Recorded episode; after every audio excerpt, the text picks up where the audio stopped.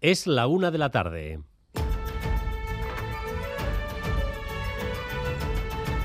Crónica de Euskadi con Dani Álvarez. A Rachaldeón se confirma la primera escisión en la denominación de origen Rioja. Hoy el Boletín Oficial del País Vasco publica el primer sello a la denominación de origen Viñedos de Álava. 15 bodegas de las más de 200 que hay en el territorio estarían interesadas en llevar ese sello, que dependerá finalmente de la Unión Europea. Pero Viñedos de Álava tiene, antes de llegar a Bruselas, varios adversarios, algunos de ellos, como la propia denominación de origen de La Rioja, dispuestos a llevar el tema a los tribunales. Rodrigo Manero, sea como sea, la denominación empieza a andar. A Rachaldeón. Sí, a Rachaldeón, la Asociación de Pequeños Bodegueros de Río Jalavesa, que ha impulsado este proyecto, ya tiene el permiso para poner en marcha la denominación. Ahora tendrá que constituir su órgano rector, sus normas y empezar a asociar las bodegas que quieran participar. Las primeras botellas con la nueva marca saldrán con la cosecha del año que viene, a finales de 2023. Eso si los tribunales no lo impiden. El Partido Popular de La Rioja ha pedido al gobierno autonómico de esa comunidad que recurra a esta decisión y el Consejo de la Denominación de Origen Rioja ha dicho que, como siempre, se va a enfrentar con todas las vías que tenga a su alcance a esta iniciativa. Aquí en Álava, desde la Diputación, insisten en que respetan la iniciativa, aunque preferirían una denominación propia dentro de la denominación del Rioja. El gobierno vasco aprueba la mayor ampliación de plantilla de Osakidecha en toda su historia. José Luis Fonseca. Sí, aseguraba la consejera de Salud que se trata de la mayor ampliación de la plantilla en los últimos 20 años. Una ampliación en 2.467 plazas estructurales, 358 de nueva creación para reforzar la atención primaria y 2.109 temporales que se estabilizarán. En total, una plantilla de 30.073 plazas estructurales que se irán definiendo en las diferentes OPEs que se irán convocando a lo largo de lo que resta de legislatura. 44 años de cárcel para el hombre que asesinó a su mujer y a su hija Navanto Ciervena en 2020. Natalia Serrano. Sí, el fallo recoge esa condena 44 años por dos delitos de asesinato con alevosía y agravantes de parentesco y de género en ambos crímenes. El veredicto del jurado popular consideró probado que el hombre asesinó de manera premeditada primero a su mujer, luego a su hija, golpeándolas con dos mazas y posteriormente cortándoles el cuello. No obstante, aún queda un punto por clarificar. La acción popular ejercida por Clara Ha pedido a la jueza de sala que aclare si la condena, tal y como recoge el fallo, es de 22 años o de 23 años, como en otro punto de la sentencia ha quedado escrito.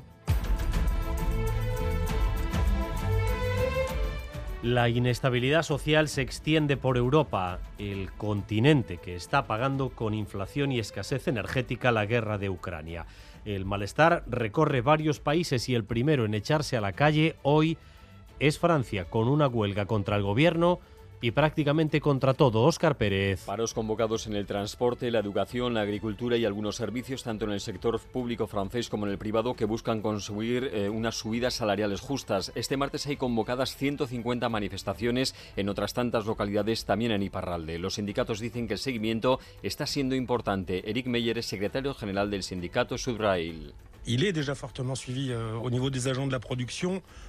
Euh, el paro está siendo seguido ampliamente, más de uno de cada dos maquinistas está en huelga, parecido a los controladores y un 30% de los empleados de mantenimiento, decía Meyer. Esta jornada de movilizaciones, la primera del curso político, es sobre todo un test para la sociedad francesa y para el gobierno Macron, para saber hasta dónde llega el malestar y si puede ser el principio o no de un largo otoño de protestas. Malestar creciente en Europa, ya ven ustedes también cómo está políticamente el Reino Unido o lo que está sucediendo en Italia es posible que todo esto se vaya extendiendo si las cosas económicamente no cambian. En México han hallado los dos cadáveres de la pareja labortana desaparecida el pasado mes de septiembre. Ambos regentaban un hotel desde hace tiempo en la ciudad de Valladolid. Ander López Lerena. Vecinos de Don Iván Eloizune y de Siburu, ambos llevaban un tiempo viviendo y gestionando un hotel en Valladolid, en el estado de Yucatán. Fue el pasado mes de septiembre cuando sus familiares hablaron con ellos por última vez, pero para entonces ya sospechaban de un posible secuestro, ya que los mensajes que recibían eran, han confirmado fuentes del diario Sudoest, muy extraños. Ambos cadáveres fueron hallados la semana pasada en el hotel que ambos regentaban y ahora tendrán que hacer las pruebas de ADN para confirmar que efectivamente los cuerpos pertenecen a esta pareja. La Fiscalía Mexicana investiga lo ocurrido. La deportista iraní que compitió sin el velo ha sido detenida. El país, lejos de aflojar la represión, la recrudece. Irache Ruiz. Sí, su familia no tiene noticias de ella desde el fin de semana. Tras competir exhibiendo el pelo en la final del Campeonato de Asia, fue citada en la embajada iraní. Al parecer le retiraron el pasaporte y el móvil. Las últimas informaciones sobre Elnaz Rekabi son confusas. Varios medios señalan que está siendo trasladada ya a Teherán un día antes de la fecha inicialmente prevista. Viajaría en calidad de detenida después de haber quebrantado la ley islámica. El gesto de desobediencia y de apoyo a la lucha de las mujeres iraníes podría salirle caro. Se enfrenta a una multa o a una pena de prisión. En el día en el que el Museo Guggenheim cumple 25 años, se presenta Secciones Intersecciones. 25 años de la colección del Museo Guggenheim Bilbao. Se trata de una ambiciosa muestra con los fondos de la colección propia que se desplegará por todas las salas del museo. Habla el, el director del museo, Juan Ignacio Vidarte. Ha sido un ejercicio coral por parte de todo el equipo curatorial del museo. La exposición es una, pero tiene tres capítulos que son autónomos, que se desarrollan en cada una de las plantas del museo, pero que luego tienen también una, una interrelación entre ellos. Y por otro lado, como digo, es un homenaje a la colección, que es, como digo, una señal de identidad del museo. Creemos que este es un momento de particular gozo para el museo porque podemos presentar la colección en su mayoría de edad.